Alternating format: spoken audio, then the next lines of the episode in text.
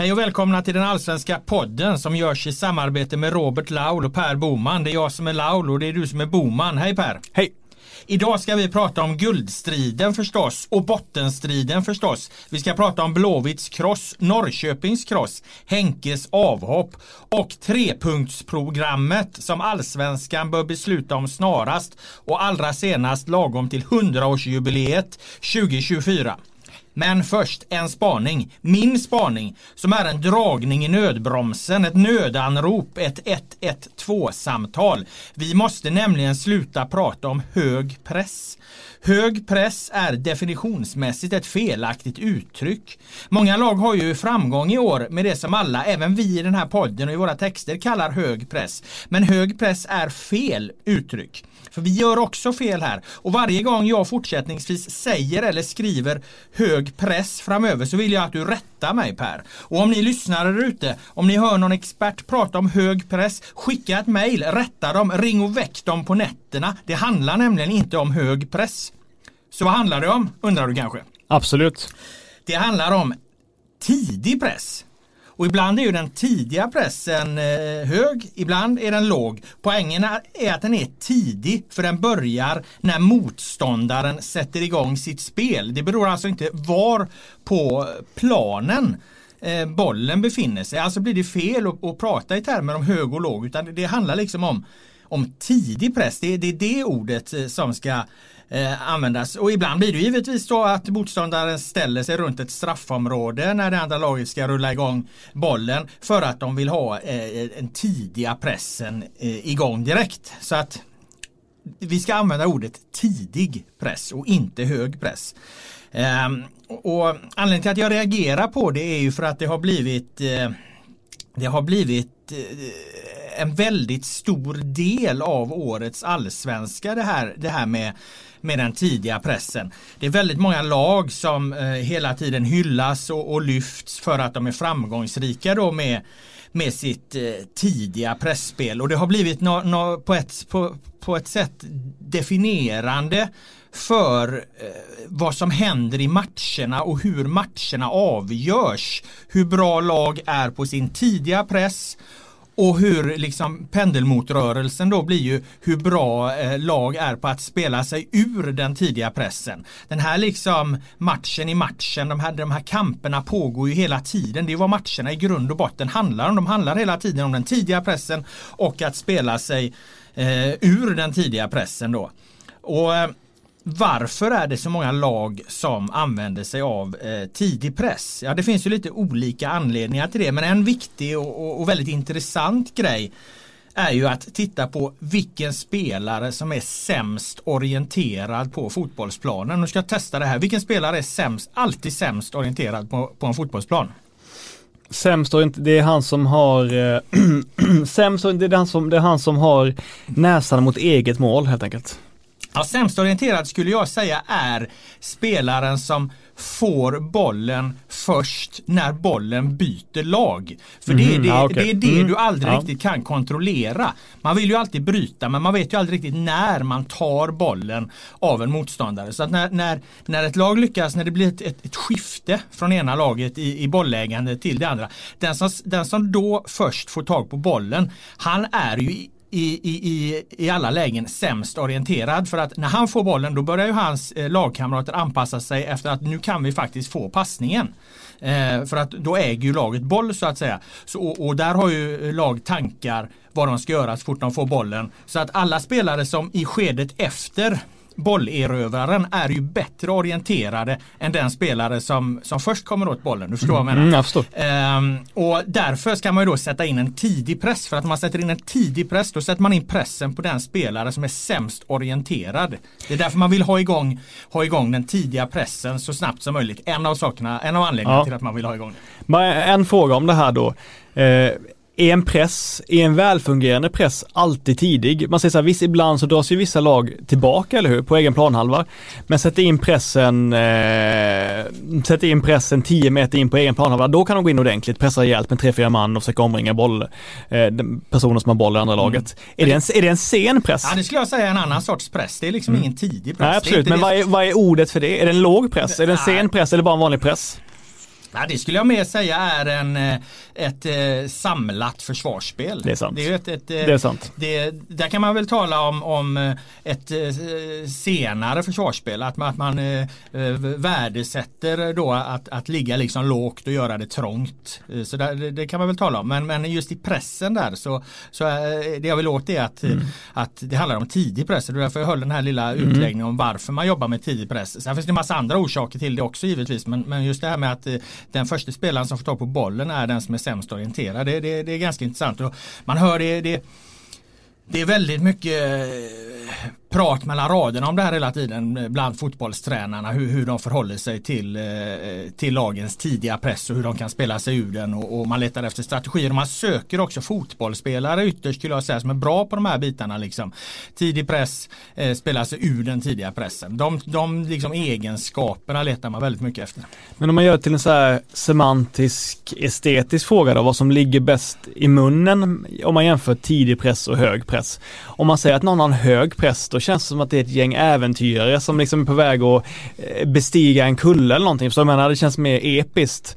Den tidiga pressen känns mycket mer byråkratisk, men om det, ett, om det, om det skildrar verkligheten bättre så ska man såklart använda tidig. Ja absolut, eh, jag tycker man ska använda tidig för att det är mer rättvisande vad, vad, vad det handlar om i de fall det handlar om en tidig press. Det kan mm. ju också finnas en hög press. Mm. Det här gör det lite komplicerat. IFK Göteborg skulle jag säga i våras spelade inte eh, med tidig press. De kanske mer hade en hög press som, som utgick från lite andra eh, parametrar som såg lite annorlunda ut. Men, men, eh, men, men den här tidiga pressen har varit så dominerande. Så många lag, Malmö använder det, Hammarby mm. använder det, Djurgården använder det i viss mån. Det är många lag liksom som Häcken använder det som, som jobbar väldigt mycket med den här tidiga pressen.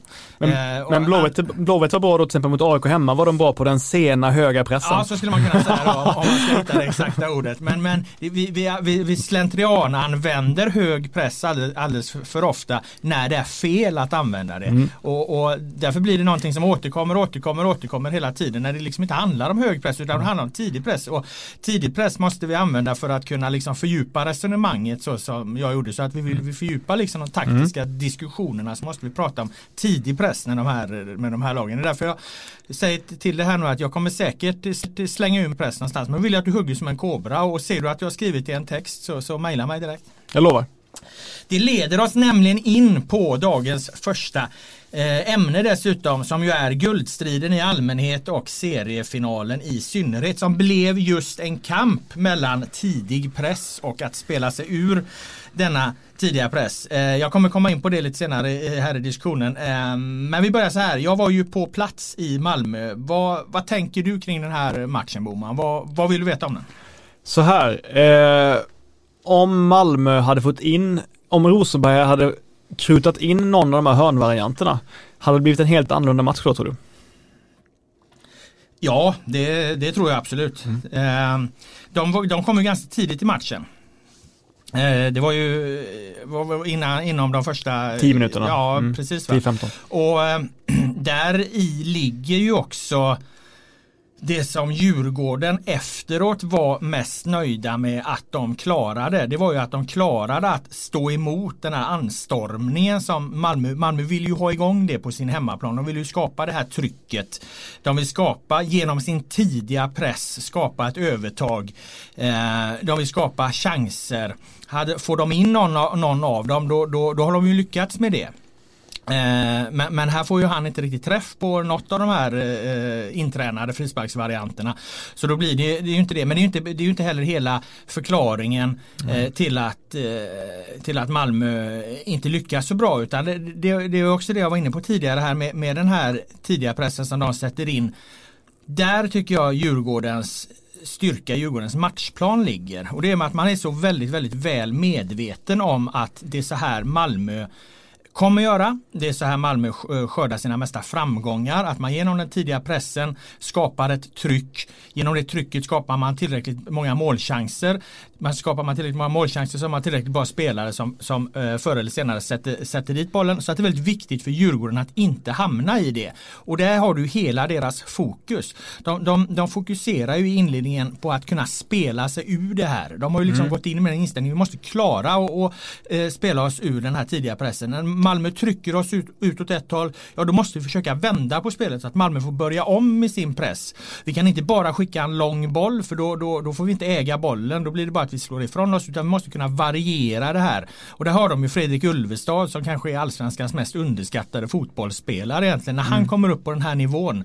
Det är väldigt svårt det han gör. Att hela tiden lösa situationerna på, på, på små ytor. Så gör ju han det väldigt bra tillsammans med, med Curtis Edwards i, i första hand skulle jag säga.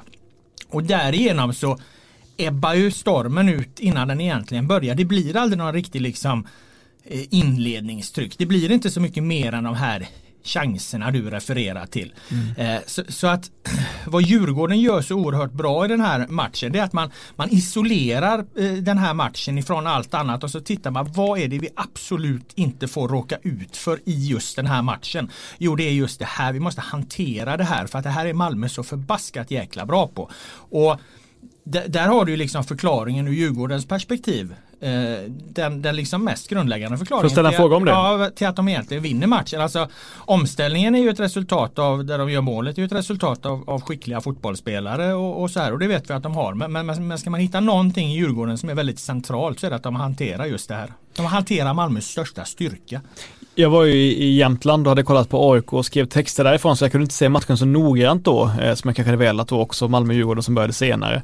Men eh, Malmö har ju också, tycker jag då, om de har någon sårbarhet i försvarsspelet så är det ju ibland när, när man slår bollar bakom deras, eh, deras trebackslinje, alltså långt bakom deras trebackslinje. Och har man en snabb spelare som Buya Turay så, jag, jag, jag inte så matchen så noggrant så vet jag inte om de gjorde det men fick de, fick, kunde de andas ibland för att de slog den diagonala bollen bakom den höga diagonala bollen bakom Malmö och kunde liksom vila på det sättet eller vilar de bara genom att byta kant och rulla den på egen plan så att säga? Nej det gör de ju också. De söker ja. ju den där bollen och det är de ju bra på Djurgården och, och eh, målet är ju som sagt det är ju liksom inte signifikativt för matchen Nej. utan det, det, är ju att där staplas ju en rad bra, bra eh, prestationer eh, på varandra. Men, men det Djurgården framförallt gör bra det är att de, de får Malmö att inte få ut någonting av den här eh, inledningsenergin som de vill, vill få igång liksom och pumpa på och, och skapa eh, chanser. Och när, när det liksom dör så blir det, det blir en mer normal fotbollsmatch mm. där de här två lagen spelar på, på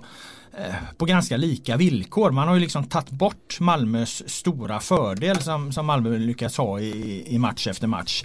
Eh, och då är det som sagt en, en, en ganska jämn fotbollsmatch. Men men man kan inte bara titta på det Djurgården gör bra. Man måste, jag, jag, skulle också vilja prata lite till Malmös försvar här. Jag är väldigt allergisk mot att, att gå in i den här guldstriden och prata om att, eh, att det är en nackdel för Malmö och AIK att, eh, att de spelar i, i, i Europa. För de har trupper som ska hantera det här, de har pengarna för det och de har varit förberedda på det hela året. Och så vidare och så vidare. Men däremot just den här matchen just den här matchen när de möter sin absolut just nu svåraste motståndare i hela allsvenskan. Den kommer alltså precis mitt emellan två, eh, två avgörande Europa League-kvalmatcher. Där Malmö precis har vunnit med 3-0 i, en urladdning på stadion och de ska spela returmatchen eh, här efter och så kommer den, just den här seriefinalen eh, kommer där. Så det är klart att ur ett Malmö-perspektiv så är det olyckligt att just den här matchen kommer just där. Det mm. tror jag faktiskt spelar in. Det är det ena som spelar in. Det andra som spelar in är ju att eh, Malmö missar den här straffen. Det, det måste man ju, eh, man måste ju ta in det i, i, i, hela diskussionen. Malmö har missat sex raka straffar i år.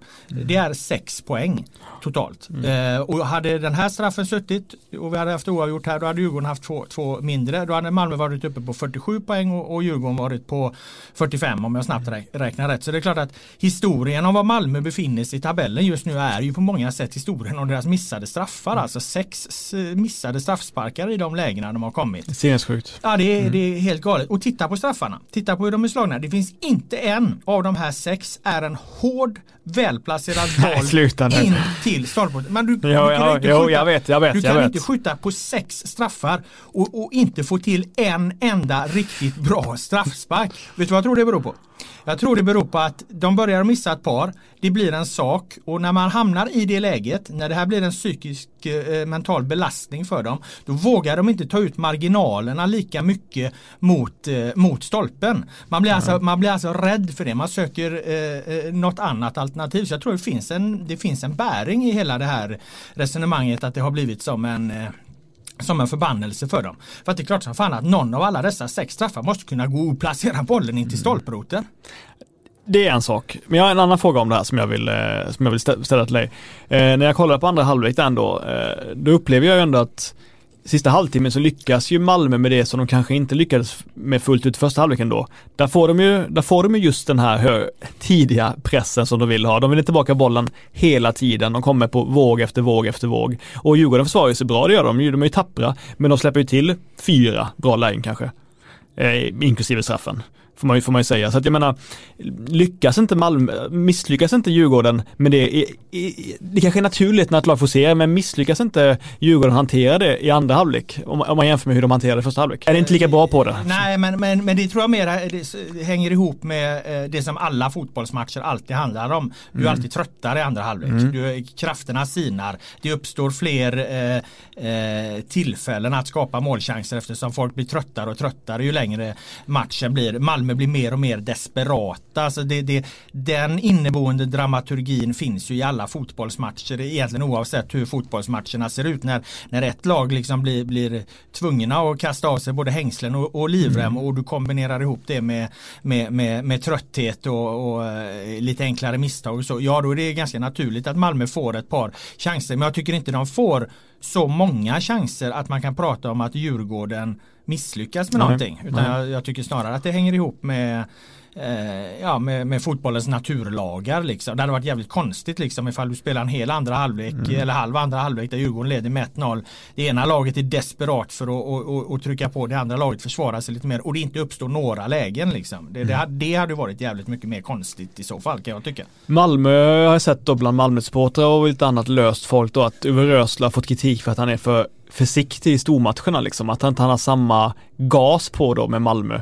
Är det en, tycker du att det är en rimlig kritik eller är det bara en kritik som är, så att, säga, att det är slumpen som har gjort att det blivit så? Nej, något, något, finns det ju där. Alltså det, det, det är klart att det enda topp 7-lag Malmö FF har besegrat i allsvenskan i år det, det, är väl Hammarby på mm. hemmaplan. Ja, Resten har de ju kryssat och nu då, nu då förlorat. Mm. Så att eh, någonting finns ju där. Eh, å, andra, å andra sidan är det ju det är ju frågan om om man ger upp om man ger upp en sak så riskerar man något annat och, han har ju valt en strategi och det, det, är svårt att säga att den strategin egentligen inte har varit framgångsrik fram till nu. Mm. Jag menar de är i princip i, i Europa League-gruppspel. De var fram till den här eh, förlustmatchen eh, i ett jätteläge även i allsvenskan. Men hade de vunnit den här matchen hade de varit uppe, varit uppe i tre poäng. Så att eh, det blir lite, det blir lite efter, eller de varit uppe i lika poäng med Djurgården. Det blir lite efterhandskonstruktion där kan jag eh, säga. att, mm. att eh, att, eh, att såga det som har varit bara för att det inte funkade eh, här och nu. Utan det som är centralt i den här matchen det är ju att, att eh, de, är, de är jämna i grund och botten de här mm. lagen. Även om man tittar statistiskt. De stod på exakt samma snittpoäng i snittvärde på alla spelare när man mm. väger samman alla, alla, alla prestationer till allsvenska enligt Instat inför den här matchen. Då. De, de, mm. de har alltså presterat exakt lika bra. Djurgården hade, hade då fått ut fler poäng av det jämfört med Malmö inför den här matchen. Nu har jag inte kollat exakt vad de har landat på efter den här matchen. Men Eh, eh, så att det är klart, det är ju en väldigt svår motståndare för Malmö FF eh, oavsett hur det ser ut på, på bankböckerna och, och, och så här. Och, eh, I den här enskilda matchen då då hade ju Malmö sin strategi. Djurgården synade den strategin på ett bättre sätt i kombination med just de här bitarna. Att den hamnade på ett väldigt, ett väldigt olyckligt tid för Malmö FF mitt emellan de här två matcherna och eh, den extrema straffsituationen. Jag tror att det, det är de parametrarna du, du, behöver ha här för att, för att förstå varför det blir som det, som det blir. Alltså man, man får lyfta eh, Lagerlöf och Kim Bergstrand eh, att de lägger fokus, fokus på exakt rätt sak för att, för att störa just Malmö FF och de, de har spelare som klarar av det. Och så får du föra in när matchen spelas i tid och det här extrema strafftraumat som Malmö hamnat i. Då, då, då har du 1-0 till Djurgården. Jag har två frågor till om den här matchen innan vi kan, kan lägga den åt sidan då. Och Mm. den första är, jag var väldigt, eller väldigt, jag var försiktigt kritisk till att spela Felix Beijmo mot Djurgården. Jag tyckte att Erik Larsson borde få vara kvar i laget och att, ja, möjligen då att man kör Larsson till höger och, och Nielsen som höger mittback då, eller eller köra åtminstone Larsson som mittback. Är det bara ett randfenomen eller liksom marginell fråga eller tycker du att så att säga att Beijmo var en stor svaghet för Malmö under matchens gång? Nej, alltså defensivt var ju inte det. Han och Lasse Nilsson stängde ju igen där. De hade ju ett anfall via den kanten. De Vem, vem, vem plockar ut Buja i samband med 1-0? Är det någon som, är det omöjligt för någon att hinna fatta, hinna med eller? För det är ju ändå ut från den kanten han kommer in. Ja, ja, det gör det ju. Men det som händer, det, det, där, skulle jag säga att det, det anfallet börjar ju egentligen när Ja. Lasse Nilsen är uppe i rygg på Jonathan Ring. Jo. Och det, det är klart, hade Lasse Nilsen förstått vad det här skulle ta vägen så skulle han ju sparkat, tagit en frispark eller någonting där. Men han Mm. tappar ju Ring så Ring kan ta in bollen. Ring har kommit in från kanten, får in, får, kan suga åt sig uppspelet och får vända om liksom. Alltså han följer ju inte med honom. Där, Mm. där sker ju ett misstag liksom. Och sen går det ju fruktansvärt fort. Sen hinner det ju inte, varken Berang Safari hinner ju inte med Radetinac och, och Bengtsson hinner inte med Buya Turay liksom. det. Det är inte så konstigt men, men ska man hänga, skulle de gjort på något annat sätt där då skulle han ju aldrig släppt ring så att han får vända om och sätta bollen. Det, det, det är väl kardinalfelet i, i Mm. den sekvensen egentligen och det står ju Lasse Nilsen för. Men, men annars Beijmo och Nilsen, då, Jonathan Ring är ju överflyttad på den här sidan så att det händer ju ingenting på den kanten i princip. Mm. Nej. Så att eh, Beijmo gjorde det jättebra eh, defensivt men, Mm. men han är ju helt osynlig framåt. Han kommer ju i, han, han eh, Ja, han, jag tycker inte han riktigt har kvaliteterna där så han blev tidigt utbytt också då och de får flytta ut eh, Lewicki för att, få, få bättre eh, fötter på, på den högerkanten då i Malmös perspektiv. Ja, jag är ju tveksam till att spela honom i, eh, att man ska försöka få honom i, form i en guldstrid. Men det är, en, det, det är inte jätteviktigt, det är, det är lite ämne. Så jag går över på nästa fråga. Jag älskar ju så här metaspelet, när man spelar brädspel med någon eller när man, när man, det här spelet som pågår vid sidan av dem, det egentliga spelet. Och när Anders Christiansen säger grattis till guldet till, till Djurgården efter matchen, tycker du att det är en trött kommentar som är lätt att se igenom eller tycker du att det är jävligt kul att han, att han ändå är så snabb på, det menar han, han gör det direkt liksom, att, han, att han går ut så hårt med det.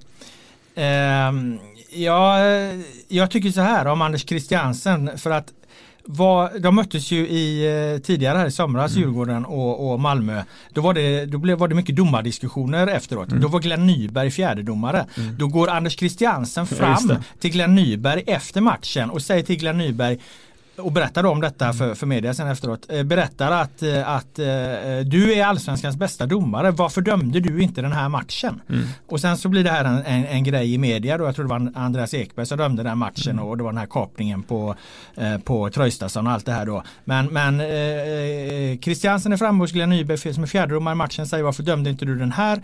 Vad händer i, i, i, nu på stadion? Jo, det är Glenn Nyberg som är domare i den här matchen. Anders Christiansen gör en tvåfotsdragning på Jakob Une Larsson som Ja, alltså man får ju ha eh, mikroskop för att se att han e- eventuellt nuddar honom. Han nuddar honom liksom inte hans stödjeben utan han nuddar liksom foten som han har i luften. Det är en väldigt, väldigt, väldigt billigt, billig straff. Men vem är det som dömer den? Jo, det är Glenn Nyberg. Vem är det som får den? Jo, det är Anders Christiansen. Vad sa Anders Christiansen? Jo, han sa Glenn Nyberg är, är bäste domaren efter förra matchen där, där de här har mötts.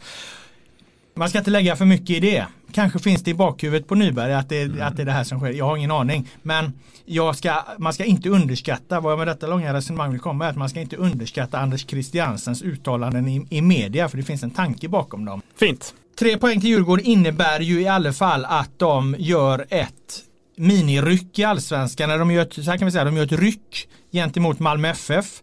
Eh, däremot fick de ju AIK närmare sig eftersom AIK vann sin match mot Östersund här. Och nu ska Djurgården och eh, AIK mötas och blir det kryss där så kan ju Malmö vara tillbaka igen. Så att eh, det är ju fortfarande jäkligt små marginaler här. Men du var på plats uppe i Östersund och såg AIKs eh, 3-1-seger där som det blev till slut. Ehm, min bild av AIK är ju den, att de, de har befunnit sig i någon form av formsvacka senaste tiden. Som de har lite problem att ta sig ur. Ja, eh, ja, i så fall fortsatte den måste man säga i, i Jämtland. Eh, Norling ställer ju upp med ett starkt lag. Bästa möjliga lag får man säga då, eh, bortsett från Larsson som var avstängd och Lundström var borta, men annars var det ett väldigt starkt lag där uppe. För att, och det tycker jag var helt rätt eftersom eh, i det, här, I det här läget tycker jag att allsvenskan är viktigare än Europa League, eh, just med tanke på att det är väldigt stor risk att de åker ur på League. Så jag tycker att det var bra val att spela med ett bra lag. Men om de var bra i den första halvleken, ja de var lite bättre än Östersund. Och det säger inte mycket eftersom Östersund just nu är allsvenskans sämsta lag. Det säger väl rätt mycket i så fall. Ja exakt. Ja, det säger med, inte, exakt. Med, med tanke på att, eh, att Östersund, så satt du här och sa att det är det sämsta laget du har, du har sett i en allsvensk kontext på, på, på sommaren då. Ja. Jag menar bara, jag säger bara att det säger inte mycket om hur bra de var. Att Nej. de var lite bättre än Östersund. För att Östersund tycker jag är ett riktigt dåligt lag just nu. Det var också en, det var en otroligt så här, låst stängd match. För tänk så här att Östersund ställer upp med fyra stycken mittbackar eh, på planen. Erik Haugen, Tom Pettersson, Noah Sonko Sundberg och eh, ja, en till som jag tappar namnet på just nu. Och AIK har tre mittbackar. Östersund har två balanserande mittfältare. AIK har tre balanserande mittfältare när, när Tarik Elunussi går ut skadad. Så det är egentligen två, det är så här fyra, fem spelare med offensiva kvaliteter totalt i matchen liksom. Medan resten då är mer bevakande spelare. Så det blir ju då, det borgar ju för en väldigt stängd matchbild. Um, ÖFK brukar man ju säga att, uh, ja men de är ganska bra med bollen i alla fall. Så här. De, är inte som, de, är, de är trubbiga som många andra lag och de är dåliga djupled och, och så här, det kommer inte så mycket chanser men de var åtminstone bra med bollen på egen planhalva. Det är de inte längre kan man säga trots att uh, Eh, eh, AIKs halvtidiga press inte var så, så, här, så fruktbar eller så stark så vann de mycket bollar i början och fick lite halvchanser. Men AIK var relativt sett bleka helt enkelt. Eh, men det är då som jag tycker är intressant med AIK det är att de har alltså Eh, senaste gången de förlorade två matcher i rad i allsvenskan var tidig vår 2017 när eh, Oskar Linnér kastade in bollar i egen, egen kasse när de mötte J Södra borta och de förlorade något derby innan där vi.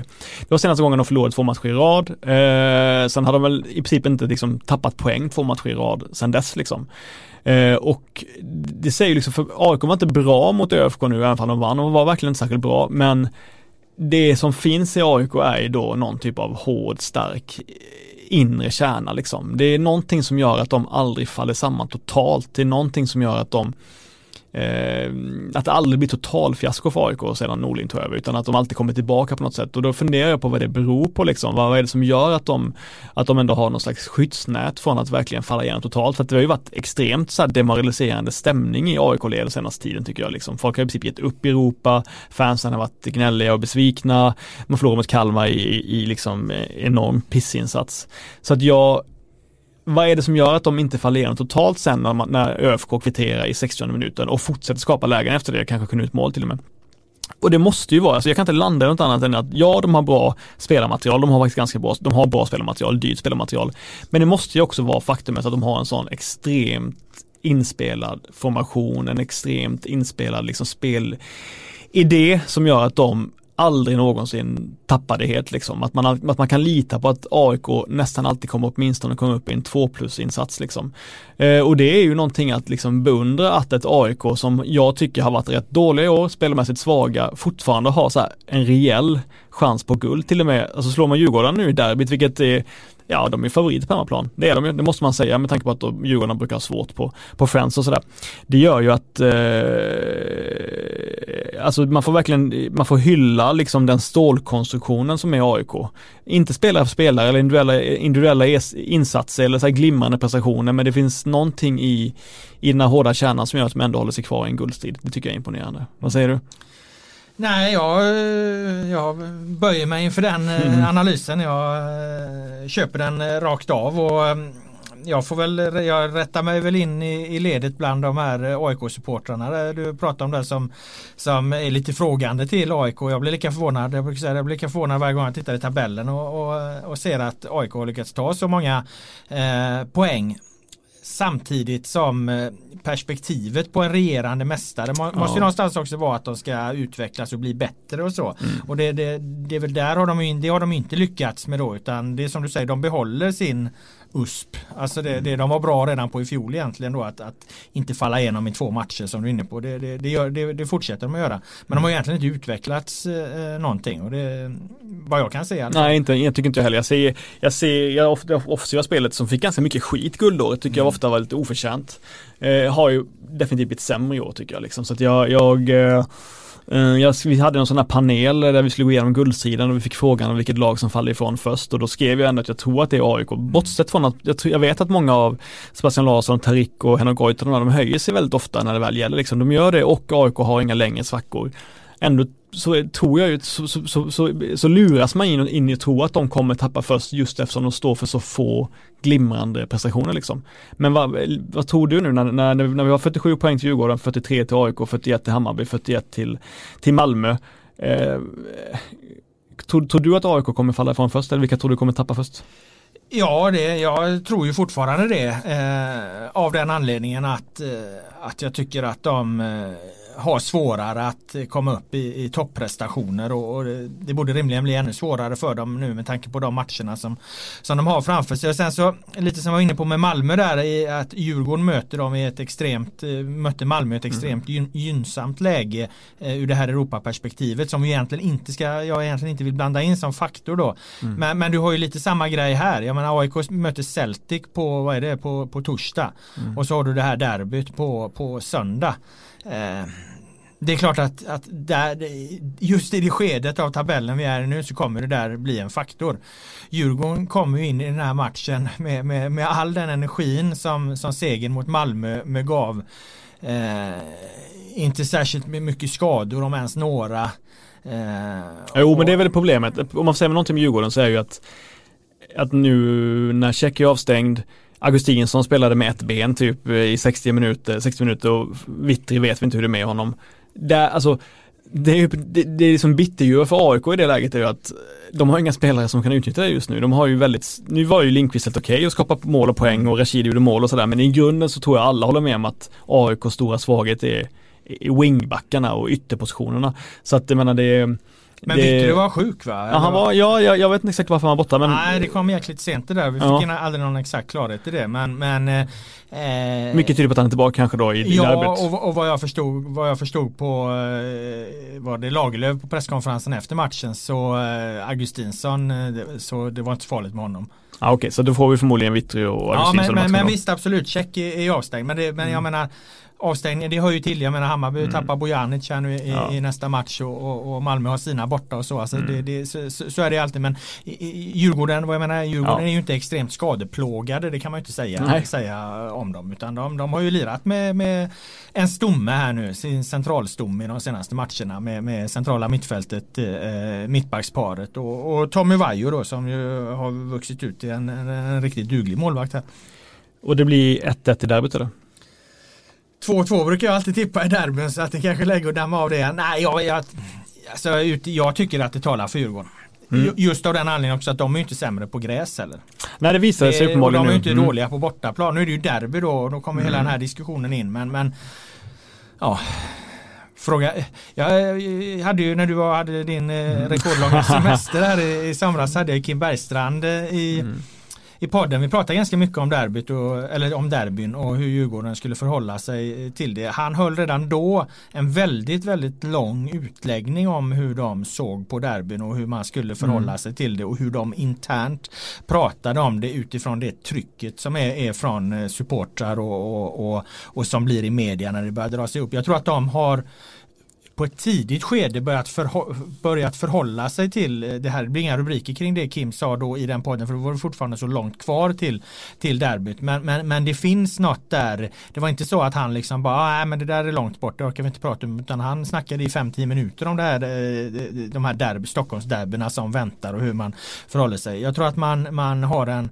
en extremt tydlig plan för att eh, yttre faktorer inte ska påverka prestation i det här derbyt. Sen om den planen lyckas eller inte, det vet jag inte. Men här finns en, en väldigt tydlig tanke för att det inte ska störa dem på något sätt utan att de ska kunna ta sig an den här fotbollsmatchen och prestera i den utifrån de styrkor de har i, i, i laget.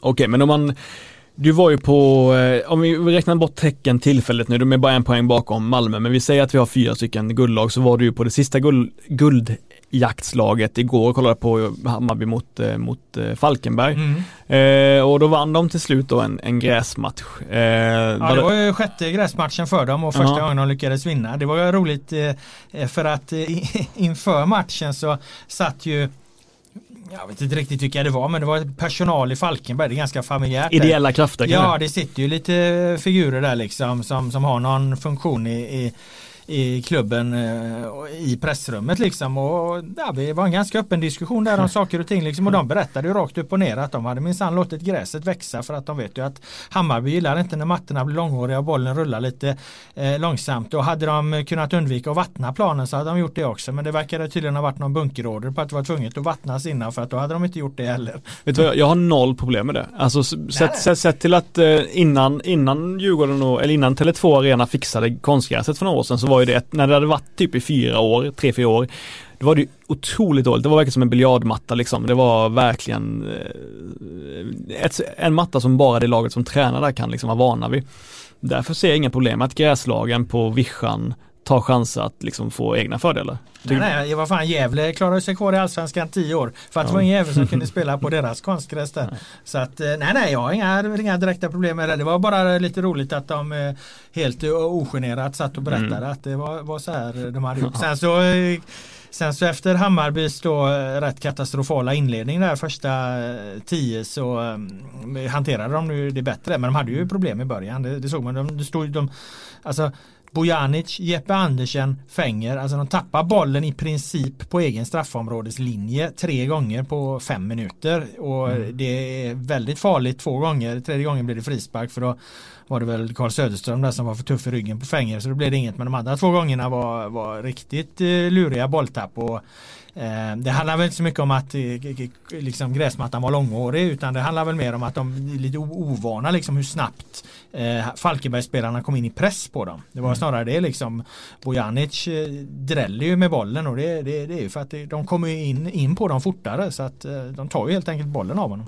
Vem, nu när Bojanic är borta nästa match då, vem tycker du ska gå in och ta den positionen? Eh, ja, Billborn eh, sa ju Junior på presskonferensen att nu ja. var han minsann tillbaka. Han är helt skadefri, han är spelklar och så. Så att då frågade vi då, ja men då går han ju rätt in här då för Bojanic eftersom Bojanic är avstängd. Mm. Men det sa ju Billborn att ja, om Junior själv får bestämma ja. så hade han nog gjort det. Men eh, nej, det, det, det, det var han väl inte riktigt.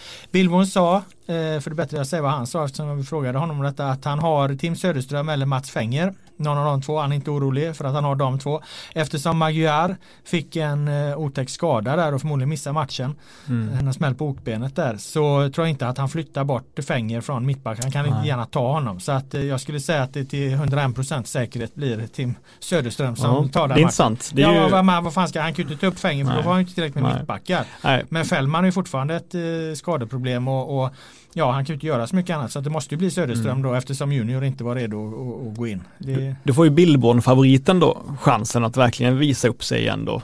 Han har ju inte fått så mycket speltid sedan eh, tidigt tid i vår. Nej, men de möter ju då ett eh, löpande Norrköping mm. och, och, det kanske kan vara en match som ändå passar honom och det är därför Billborn säger att han inte att han inte känner sig så himla orolig eh, för just det. Men det är klart att offensivt är det en jätteförsvagning och även sett det att de, har, ja, de fungerar väldigt bra ihop Jeppe Andersen och, och eh, Bojanic. Eh, var det, en, var det en avstädning av Falkenberg? Var det liksom, var det, var det noll? Var, alltså du vet, Hampe Nilssons två stycken tavlor, Alexander Axén var ju jättehård mot honom i tv liksom. Han var ju, alltså, ja, dömde ut honom fullständigt alla hans kvaliteter som målvakt. Jag har sett matcher med Hampus Nilsson där han har varit helt okej okay också men eh, Eh, var, det, var det liksom tragiskt dåligt gjort av eh, Nilsson? Nej det är anmärkningsvärt är det. Och de visade även i Simor. Eh, jag satt ju på läktaren och hade matchen på, på, på datorn. Mm. Och då i pausen så hade de klippt ihop best of eller worst of då Hampus Nilsson. Alltså hans, hans misstag i år. Det är häpnadsväckande vilka mm. jävla totaltavlor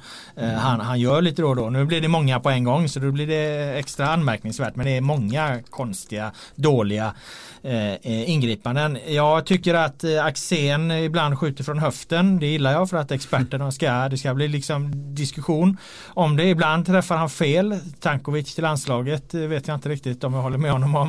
Eh, här tycker jag han har helt rätt som, som, som sågar. Det var så anmärkningsvärt dåligt i den här matchen så att då måste man när det är så riktigt dåligt då, då måste man faktiskt kunna ta fram den stora eh, motorsågen. Så att det, det gjorde han väl helt rätt Med det sagt så har ju Hans Eklund, han har ju sett det här problemet förut, för han petade ju Hampus Nilsson efter några inledande, inledande matcher i Allsvenskan och spelade den här Johan Brattberg. Men han verkar ju lika, gjort lika mycket misstag nästan, han har varit lika svag för nu är Hampus Nilsson tillbaka så att ja. Jag, ja. ja det, jag, du vet presskonferenserna börjar ju med att eh, tränarna håller varsin mm. utläggning då så att Billborn var borta tränare han gav sin syn på matchen och sen kom Eklund och gav sin syn på matchen. Och Eklund nämnde ju inte eh, målvaktsinsatsen då. Mm. Så att jag tog ordet och ställde den första frågan och, och, sa med all respekt då för om du tycker den här frågan är, är ohyfsad men eh, målvakten eran hade ingen bra dag liksom. Mm. Ja det höll han väl med om då Eklund och, och höll en, en liten utläggning om, om eh, varför och, och, och, så här. Tyvärr gick min, eh, min ljudinspelning, annars kunde vi ha spelat upp det men jag, ljudinspelningen la av just mm. på mhm. den här presskonferensen. Jag hade lagt fram min eh, iPhone där jag skulle spela in men det blev ingenting. Eh, för att min nästa fråga var att den, den kom ganska spontant. Jag frågade honom så vad fan har ni ingen bättre? Mm. då ryckte han ju till lite Eklund där, när var kanske inte beredd på den frågan då. Och då sa han just det, jo men vi har ju provat med, med ah, andra här men det, det, det, nu tyckte vi att Hampus skulle få chansen där igen. Så att eh, nej men de de, de, har ju ett, ett jättemålvaktsproblem. Det är klart att det där sprider en fruktansvärd osäkerhet. Man ser ju bara skillnaden på Hammarby nu. Eh, vi kan ta dem med, med hur, hur liksom vilan växer i match efter match. Eh, jag skulle säga att Hammarby gjorde ingen bra, nu har jag pratat länge om Hammarby mm. utan att komma fram till det. Jag säga om det var att de gjorde ingen bra match. Alltså, vi, vi, tog ut omgångens lag här. Vi hade inte en gubbe med från Hammarby. Vi brukar nästan alltid ha någon från Hammarby för att just för att de gör ofta gedigna eller jävligt liksom eh, starka offensiva eh, insatser. Men, eh, nej, men vi tog inte ens med Bojanic trots att de vinner med, med 2-0 eh, och han gör båda målen. Så att det här var ingen bra eh, match av Hammarby. De som jag var mest imponerad av det var ju Magyar, mittbacken fram till han då mm. fick en skalle på okbenet. Han satte inte en fot fel. Och Viland som dels är rätt in i en jävligt knölig inläggssituation liksom där han rammar ett par gubbar och får ett par till in, in i sig liksom. Ligger kvar och, och vrider sig lite men där ser man liksom att nu går han in med full, full liksom kraft i, i, i de situationerna, inläggsspelet där. Det skänker ju en trygghet i backlinjen att, att veta att man har målvakt som har, har koll på det där. Eh, sen har han en jättefin reflexräddning på slutet när eh, Falkenbergs bästa reduceringschans, en nick eh, när, när, mm. nära håll som man får upp eh, nävarna på. Så att eh, Viland eh, definitivt eh, på, på, på väg åt rätt håll och det är klart att få Hammarby nu ordning på sitt försvarsspel, få Hammarby en målvakt som fungerar. Alltså Hammarby är egentligen det laget som har störst utvecklingspotential med tanke på att de har varit så fruktansvärt dåliga defensivt hela mm. och vi pratar om att det, att det är märkligt att Eh, AIK har tagit så mycket poäng och så vidare. Jag skulle säga att det är, samma resonemang kan vi egentligen ha på Hammarby. Sett till ohyggliga mängder mål de har släppt in. Men det är ju också i Hammarby en tydligare utvecklingspotential. Liksom. Får, får, får de det här nu bättre på plats? Och Viland, eh, Magyar, nu får vi se hur allvarlig skadan är där. Det är klart att ett Hammarby med en fungerande defensiv då, då, det, ja, då, då är de ju livsfarliga här på slutet med tanke på att de har alla matcher på hemmaplan också. Du, näm ja, du nämnde okbenskada precis. Eh, ja, var fan. Ja, ja, jo, men, men apropå okben, vilket är den kändaste okbenskadan? Kommer du ihåg det? I, i herradsvenskan. Kommer du ihåg den värsta okbenskadan eh, som, man, som man har sett? Ja det ringer ju en klocka här nu men eh, den måste jag ha förträngt under åren jag var i USA. Ja, jag kan säga det, det, det, här är ju 2006 då när Raoul Kouakou krossar Christian Järdles eh, okben, kommer du det? Ja Järdle kom ju aldrig tillbaka. Nej.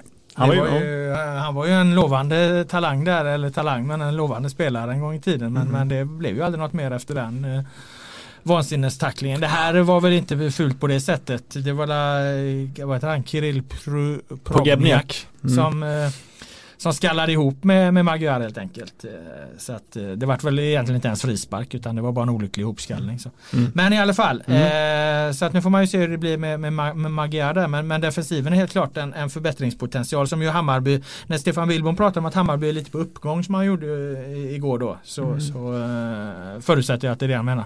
Mm. Mom deserves the best, and there's no better place to shop for Mother's Day than Whole Foods Market. They're your destination for unbeatable savings, from premium gifts to show-stopping flowers and irresistible desserts. Start by saving 33% with Prime on all body care and candles. Then get a 15-stem bunch of tulips for just $9.99 each with Prime. Round out Mom's menu with festive rosé, irresistible berry chantilly cake, and more special treats. Come celebrate Mother's Day at Whole Foods Market. Därmed har vi väl betat av alla guldstridslag. Eh, vi står inför ett eh, derby har vi berört. Vi står inför ett, eh, en match där eh, Malmö FF har Kalmar borta och eh, Hammarby har då eh, Norrköping borta. Alla matcher på samma gång i princip eh, på, på söndag. Så det, det blir en intensiv eh, fotbollsdag som vi får återkomma till eh, de matcherna givetvis i podden nästa vecka. Men vi ska lämna guldstriden. Eh, allsvenskan pågår ju med full kraft på, på andra håll också. Och den största nyheten egentligen eh, i den senaste veckan i Allsvenskan det var ju Henke Larssons avhopp. Han lämnade ju Helsingborg där, det, det, har ju ingen missat. Det var en otrolig läsning på alla artiklar kring det. Alltså, han är så oerhört stor, Henke, märker man när det händer någonting kring honom. Särskilt när det händer en, en sån här extrem grej så, så blir det bland de mest lästa artiklarna på hela Aftonbladet. Så att, eh, stort nyhetsvärde kring Henke. Eh, du smsar mig, Henke lämnar, sjukt. Vad la du i ordet?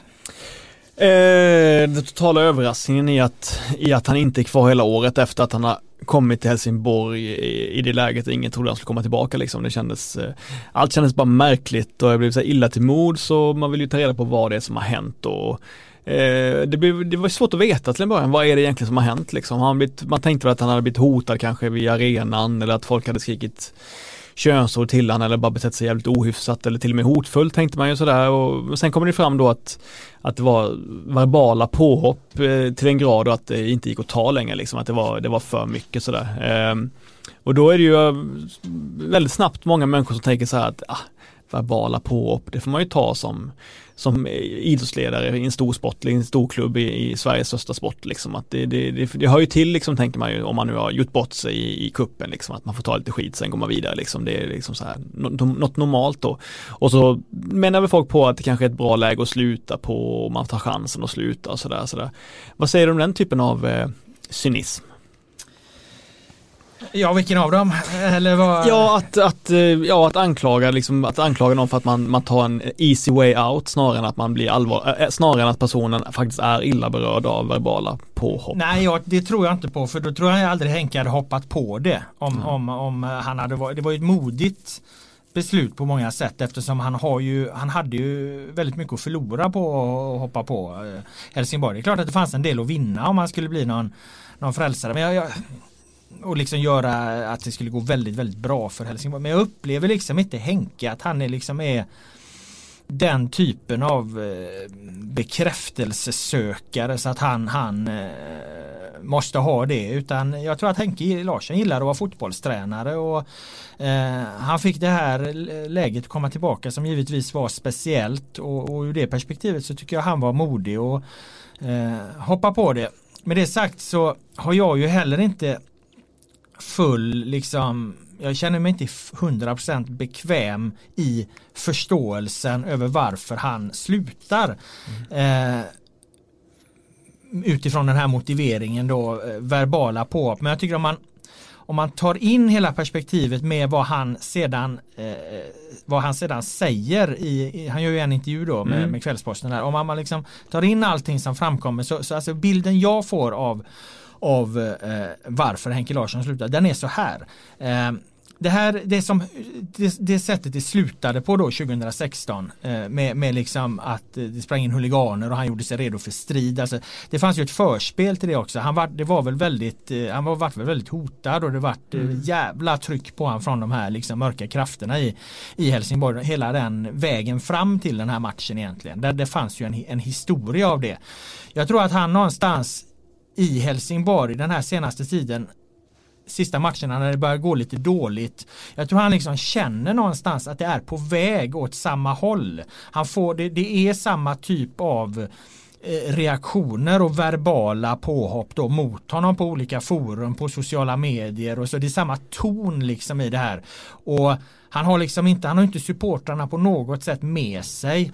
Eh, jag vet inte exakt hur många i i Helsingborg han har med sig, alltså i, i föreningen där. Det kan ju också mm. vara en slags känsla att, att i Helsingborg, visst Aselius, Granqvist kanske, de kanske är då på Henkes sida liksom, men att det finns liksom även den vibben i föreningen att man mer är åt supportrarnas håll att man gillar inte Henke riktigt och, och mm. man är jävligt kritisk till honom och, och, man tar den, den partiet så han känner liksom att det här är en, en, en, en, en bild som upprepas, som påminner om det som var 2016, som eskalerar, vi är på väg att eskalera i en viss riktning och att det kommer bli samma sak igen för att folk upplever Henke då, har inte förståelsen att han kan inte gå in och förändra och göra Helsingborg till ett, liksom ett självspelande piano på 10, 15, 20 matcher. Det finns ingen tränare eh, som kan det. Jag skrev i min krönika att det spelat någon roll om Guardiola hade kommit in. På åtta matcher hade han inte heller gjort någon skillnad. Det funkar inte så. En tränare har liksom inte den påverkan.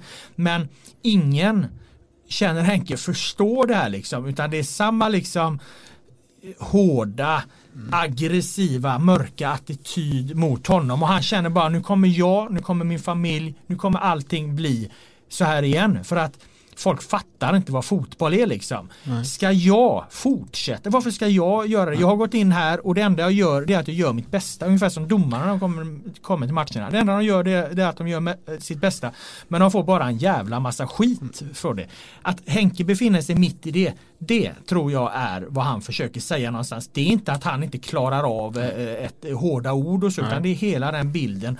Och att den allting talar för att det leder mot en liknande situation oavsett om de åker ur eller inte som det var 2016. Och varför ska han ta det? Han är bara där för att göra sitt bästa liksom. Exakt och eh, så här, jag, eh, ehm, om man ska vara djävulens advokat då, liksom så här, är det inte naivt nästan verklighetsfrånvänt men framförallt naivt att inte förstå att, det, att den här negativa opinionen kommer vara och bubbla oerhört snabbt liksom. Alltså är det inte lite märkligt att ens utsätta sig för det då liksom? Jag trodde inte det. Jag Nej. tror inte att Helsingborg, att de här supportrarna i Helsingborg var så jävla liksom tjurskalliga eller långsinta eller eh, att de liksom tar parti åt, åt det mörkare hållet liksom, om mm. det nu har varit så. Eh, jag, jag, jag, alltså min reaktion när Henke kom tillbaka var ju fan bra, yes, vad fan modigt mm. Henke, modigt mm. att du vill kliva in i det här igen.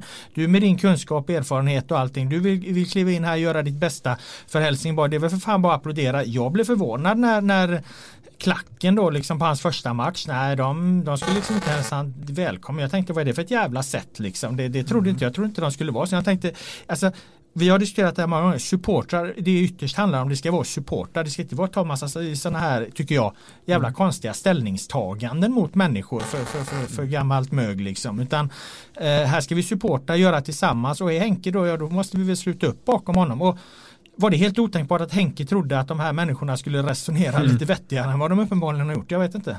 Ja exakt, men det är, det är ju det som är grejen. Man vet ju inte ifall folk har varit, eller så här, ja, så här, i det här fallet får man ju räkna med att Henke är någon typ av offer, så det känns ju alltid märkligt att liksom ifrågasätta en offers perspektiv liksom så. Mm.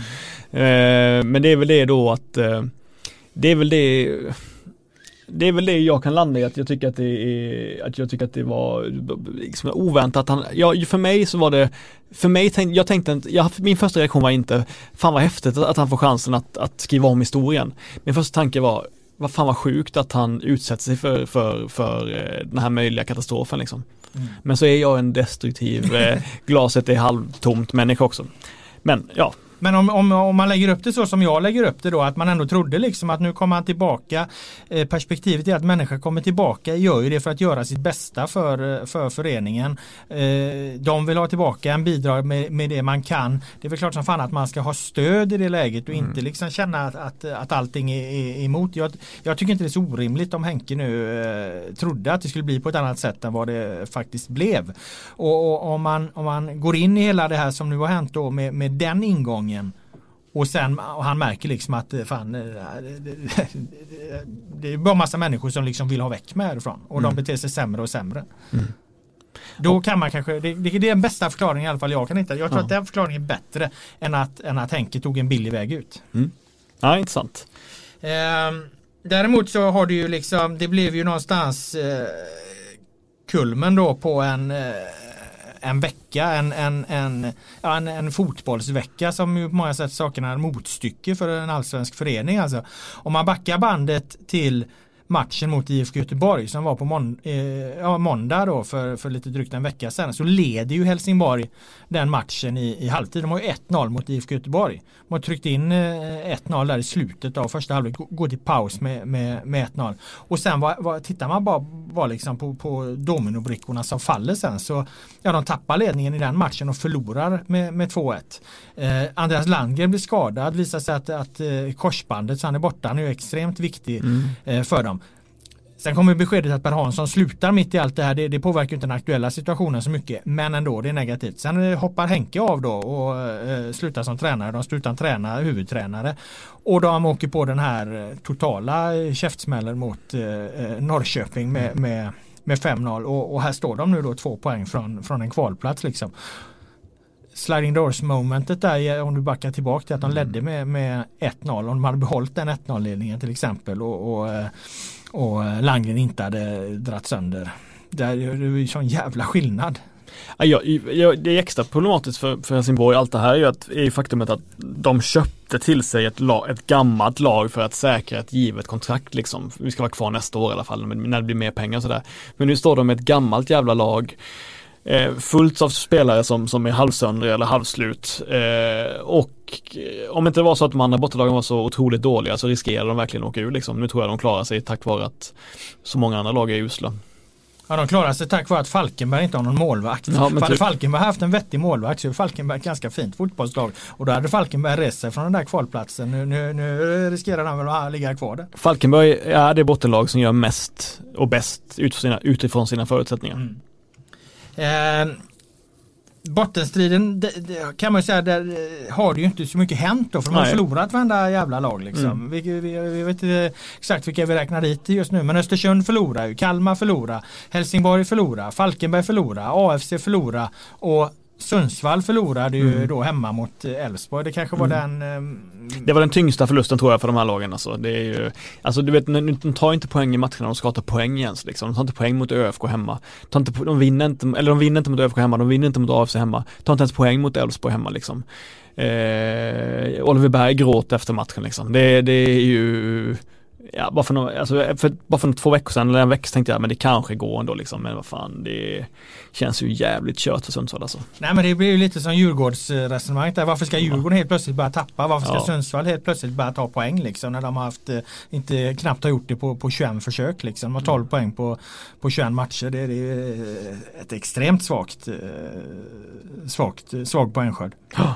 Nej men det är ju det stora, stora fiaskot i årets allsvenska. Det är, det har jag sagt flera gånger här, det är den bästa truppen Sundsvall har haft någonsin. Den truppen de hade i våras är den bästa, bästa truppen de har haft någonsin i allsvenskan. Så eh, att åka ur nu liksom med den truppen och alla försvinner och i, nu hamnar de i superettan och det, nej, det här, det här kan vara, det kan vara, de kan liksom förintas som eh, allsvensk förening liksom för 20 år framöver tack vare detta tror jag.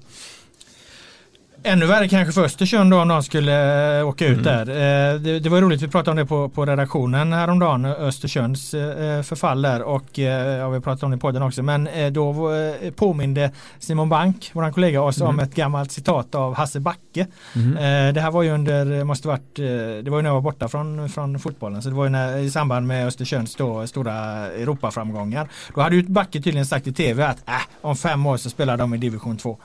Vet du vad jag tycker att det är? Det är en sån skön one-liner som inte hade någon bäring i verkligheten. Alltså jag, jag, jag, jag ser... Det inte backen Nej, alltså. jag ser att du, jag har aldrig sett ett, sånt, ett större leende än vad du hade när du, när du drog Backes, den här Backes citat. Men jag känner att det är en sån jävla gubbgrej att säga för att det är bara ren höftning. Total höftning. Eh, om inte han visste då allting om att eh, Kindberg eh, eventuellt var kriminell och att Potter skulle lämna inom kort och att allt på väg åt helvete. Men eh, jag ser det som en 40-talist eh, höftning snarare än något annat. Ja, 40-talist, alltså hur, hur, får du in det här i, i generationsperspektivet? Det, det, är väl, det är väl allmänt känt att 40-talisterna är de mest självsäkra människorna på jorden. Eh, växte upp precis när välfärdssamhället nådde till topp, har fått välja, har kunnat göra precis vad de vill hela livet, alltid kunnat eh, ha sköna a-kassa, få bra pension, allting är perfekt liksom. Så det finns inga mer självsäkra människor än 40-talisterna och Hasse Backe är en av dem. Ja, jag tycker den här utläggningen är helt underbar. Du, du analyserar experter, eller Backes eh, fotbollsexperter här utifrån den generella det är bara ett problem. Det är bara ett problem. Nu när jag googlar hans namn så säger jag att Hasse Backe är född 1952. Men det, det, det, i grunden så, så tycker jag ändå att det stämmer det jag säger. Ja, jag, jag Ja, ja, jag får säga att eh, från att ha varit väldigt förtjust i det här Hasse Backe-citatet så, så gillar jag det. Kontexten du placerar det, det i och det, det sjunker lite. Dock är det ett faktum att Hasse Backe mycket väl kan få rätt. Så är det ju. Det är ju jag var ju som sagt, som sagt var uppe i Jämtland och kollade på eh, ÖFK mot AIK och alltså att det här laget ligger tia. Eh, tycker jag är... Det gör de inte länge till. Nej, ja, det kan ju tyvärr göra det. Eller tyvärr, det kan ju göra det med tanke på att serien, bottenlagen är så dåliga överlag liksom. Eh, vi kommer in på Kalmar lite mer senare också och Sirius ser ju hemska ut liksom. Ja men vad fan, eh, Örebro, om vi ska, om vi ska sätta, sätta formbetyg på eh, lagen från 10 till 16 nu, vilken form de är just nu. Östersund 1 plus. Kalmar, alltså, eh, ja svaga 2 plus efter matchen mot eh, Blåvitt. Men jag snackade med vår, vår, vår vän Wagner, han ja. tyckte ändå att Kalmars ja. första 20 ja, minuter där absolut. Är, jag ska gå in, ja. är, är, ganska bra. Absolut, att, jag, jag, ska säga, vi ska snacka om den matchen, jag ska gå in på det sen då. Sirius, ja 1 plus, HIF 1 plus, Falkenberg svaga 2 plus, eh, Eskilstuna 1 plus, Sundsvall 1 plus. Det är ovanligt att ha så många lag som är så pass dåliga samtidigt. Eh, och det hör ju såklart ihop med det vi har sagt tidigare, att serien är mer skiktad, att det kommer vara ett antal lag som kommer vara i, i toppen eh, närmsta 5-6 åren. Sådär. Men jag tycker ändå att eh, det är en osedvanlig, deppig bottenstrid. Då lämnar vi den va? Mm, och så vi. går vi vidare på eh, eh, två lag som eh, absolut inte har någon anledning att deppa, i alla fall inte just nu. Jag tänker på IFK Norrköping som ju då eh, krossade Helsingborg som vi sa här med 5-0 och så IFK Göteborg då som eh, slog Kalmar med 4-0 och vi har redan berört den där matchen lite grann IFK Göteborg-Kalmar då och ja men som sagt alltså eh, det jag fick med mig när jag snackade med Wagner som mm. var på mhm. den eh, matchen var att eh, siffrorna är, är, ganska stora ändå sett till hur den här matchen såg ut över 90 minuter. Köper du det? Du såg väl den i eh, efterhand? Ja, Magnus Persson var ganska gråtmild. Han sa det flera gånger efter matchen men egentligen borde det inte blivit 4-0 sådär på ett sätt som jag känner det var lite loser mentalitet faktiskt. Eh, eh, ja, så här, om du minns när vi pratade om Kalmar AIK förra veckan så sa jag att ja, vi kom båda två överens om att Kalmar stod för väldigt bra insats men jag har för mig att jag sa att jag vet inte ifall det kommer bli så bra framöver liksom. Jag, vet, jag tror att de fortfarande är för trubbiga offensivt. Jag tror fortfarande att det inte är liksom att det inte är tillräckligt skarpt för att bli bra i längden liksom. Eh, om jag minns rätt så sa jag ungefär så. Och när jag kollar på Kalmar nu igen så, så var det precis de farhågorna som, som kom där. Jag tycker att den här Häggen som ser ut som en blandning av en begravningsentreprenör och, och straffånge. Alltså han, alltså han ser otroligt tärd ut när han springer runt på topp. Jag har inte sett, han, jag har inte sett en tillstymmelse till leende under första, under första eh, två matcherna. Men han, är, han kämpar ju och sliter. Men han är en skogshuggare liksom. Det finns, det finns väldigt lite kvalitet i de avgörande momenten hos, hos Häggen som kämpar hårt. Alexander Jakobsen hög på sig själv efter förra veckans eh, beröm liksom. Tyckte jag tog, var alldeles för svår liksom. Visst högg in i den bollar, gjorde en del bra grejer men spelade för sig själv i hög utsträckning och det förvånar mig inte för han känns som en person som har relativt svag karaktär. Och att han då skulle bli just hög på sig själv tycker jag var, ja det var, det, det, det förvånar inte mig. Eh, och ja, eh, som vanligt så var Kalmar, precis som det var under våren och under sommaren och sådär, att de, de är ganska bra på att eh, rulla bollen upp på innermittfältet och rulla tillbaka på Victor Elm och sådär och de, de ser alltid rätt fina ut och, men, men jag tycker ändå att trots att Blåvitt inte började så bra så vinner de boll högt upp två, tre gånger första 20 när Kalmar ska ha varit bra och skapa bra lägen. Eh, jag tycker faktiskt att de var otroligt porösa defensivt Kalmar och det är ett problem för att det var ju defensivt som varit okej okay förut offensiven var dålig. Nu tycker jag defensiven var jättedålig. Jag förstår att Victor Elm ville gå och gömma sig efteråt för att han var jättesvag sett till eh, hur han har varit mot, mot, eh, mot, eh, mot AIK tidigare. Så att nej, Kalmar, Kalmar blev nog överreklamerade efter matchen mot AIK. Och då kan man gå in lite på Blåvitt och de ut, utan att imponera jättemycket så, så vinner de alltså med 4-0 och det imponerar ju om, om något då. eller så här, om vi pratar lite om Robin Söder, jag har varit lite allergisk mot det här det här göteborgska hyllandet av Robin Söder tidigare under säsongen. Jag tycker liksom att det var lite överdrivet och det kan vara att jag, jag har nog varit förlegad i min bild av Robin Söder. Jag, jag, liksom, jag tyckte att det liksom, att jag saknat extra skärpa i honom liksom. Jag tycker att det, det var lite för, lite för mycket snack om hans smarta skarvar och att han var bra på att hålla uppe spel och bra på att fördela vidare och så Jag tyckte att det var överdrivet. Men jag backar 100% och jag, jag, jag, eh, jag hade fel om det. För när man ser, när man ser de rena fina aktionerna som han gör mot mot Kalmar så, så måste man nog eh, gå med i den här hyllningskören. Jag menar bara det här när han gör bort Henrik Löfqvist på målet. han kör en till vänster, en till höger och sen en till vänster igen så att Löfqvist markerar helt fel och han kan skarva in den i bortre. Han eh, är otroligt smart när han tar sig förbi Viktor M till 1-0 han, eh, han, han, har säkert sex, fem stycken otroliga solgivare liksom, till, till medspelare spelare som kommer med. Eh, så, han, så han var liksom ett riktmärke eh, under hela matchen och jag tycker att han är också fin. Det är också fint att se honom efteråt. Han är så totalt Alltså ödmjuk, han är inte ödmjuk, han är självutplånande liksom. Han vill inte få något beröm överhuvudtaget och eh, det tycker jag är fint i tider där, där folk gärna söker sånt. Eh, Men jag menar, du har inte fel om Söder, Nej. tycker jag. För att eh, grejen med Robin Söder, han har ju haft alla de här eh, kvaliteterna.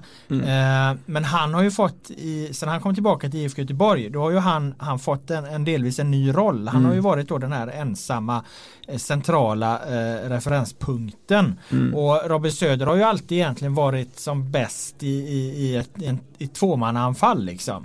Eh, när, när han har en spelare bredvid sig kan droppa lite grann, komma rättvänd och få använda liksom sitt, sitt eh, spelsinne. Han har ett fantastiskt fint mm. spelsinne, han har en fantastiskt fin touch, han har allting det här, det här du nämner. Men om du hamnar i en roll då du liksom ska vara spelaren som liksom också suger in bollarna hela tiden. Mm.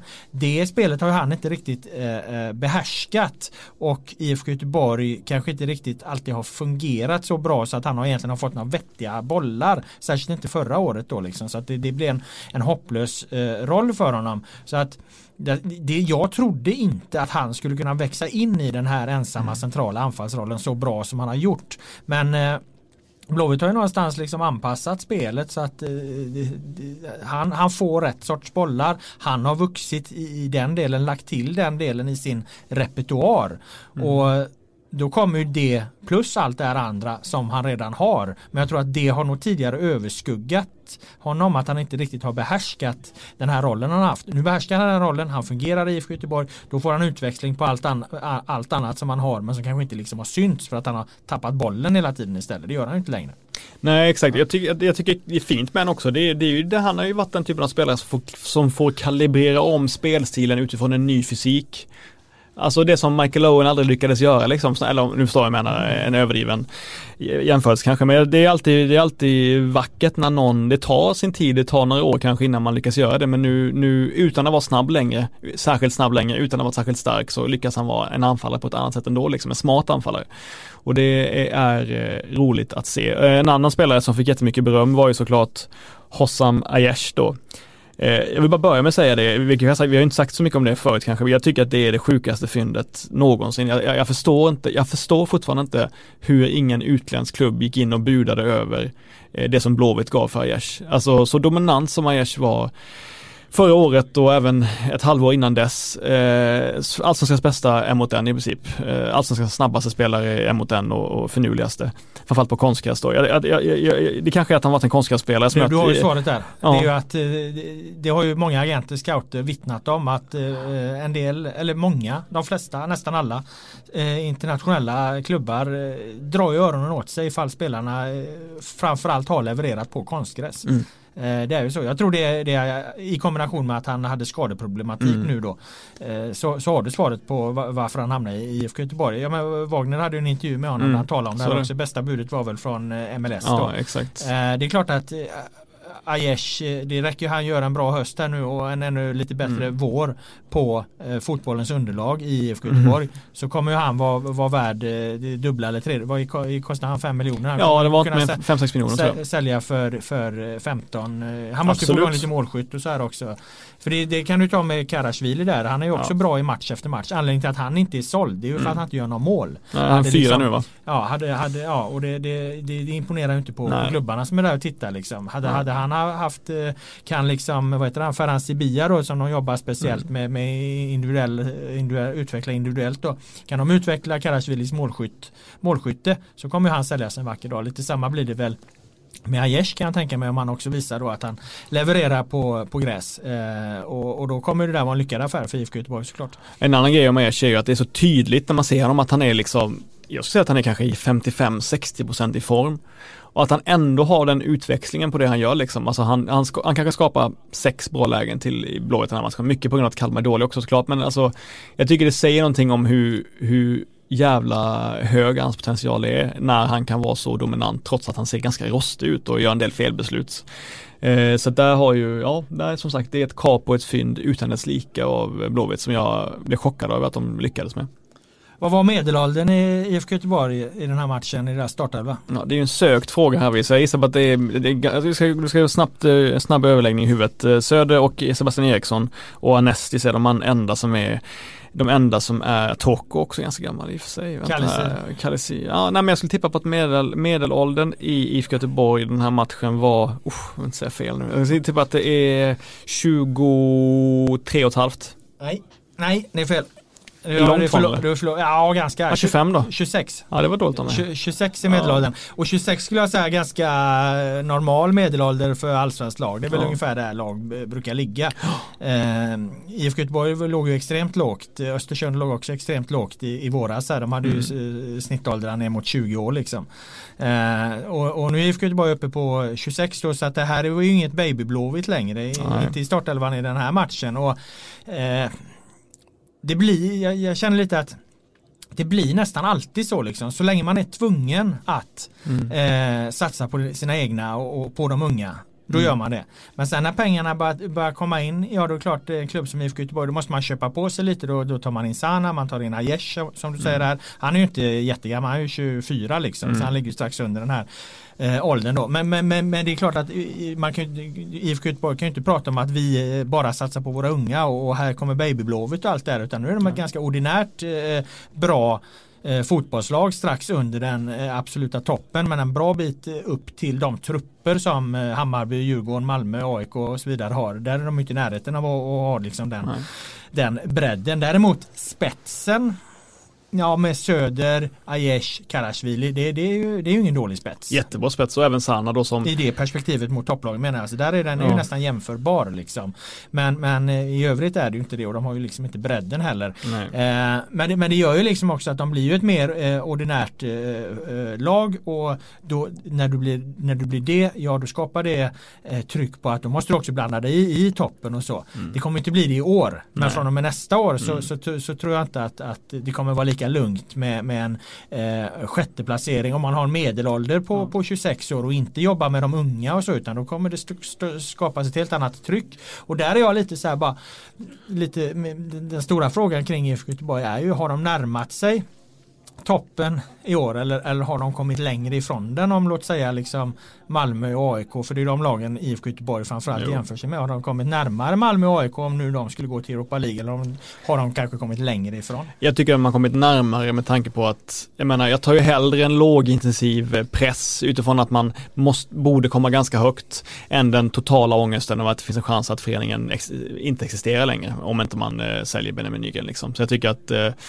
Eh, den, det, det, jag tycker att de har närmat sig eftersom, eftersom det kunde varit så otroligt mycket värre. Liksom. Jag tycker att de har närmat sig oavsett om, om Malmö får in mellan 50 och 80 nya miljoner. Liksom. Ja men det är ju inte, det är inte, det är inte med mycket i så fall. Det kan man inte säga. Sen, ja, sen, sen hävdar jag inte att det, fanns något, det finns ju inget Nej. annat sätt att göra Nej. det på. Så att det, det, är klart att det här var det absolut bästa. Och de har gjort det bra, eh, otroligt bra och det är en otrolig saga liksom. Ja. Att, uh, utifrån hur, hur, det såg ut i vintras och så. så. Men uh, jag tror man ska ha med sig det perspektivet att frågan är hur, hur mycket man uh, IFK Göteborg då som med den bilden de har av vad, vad de egentligen är.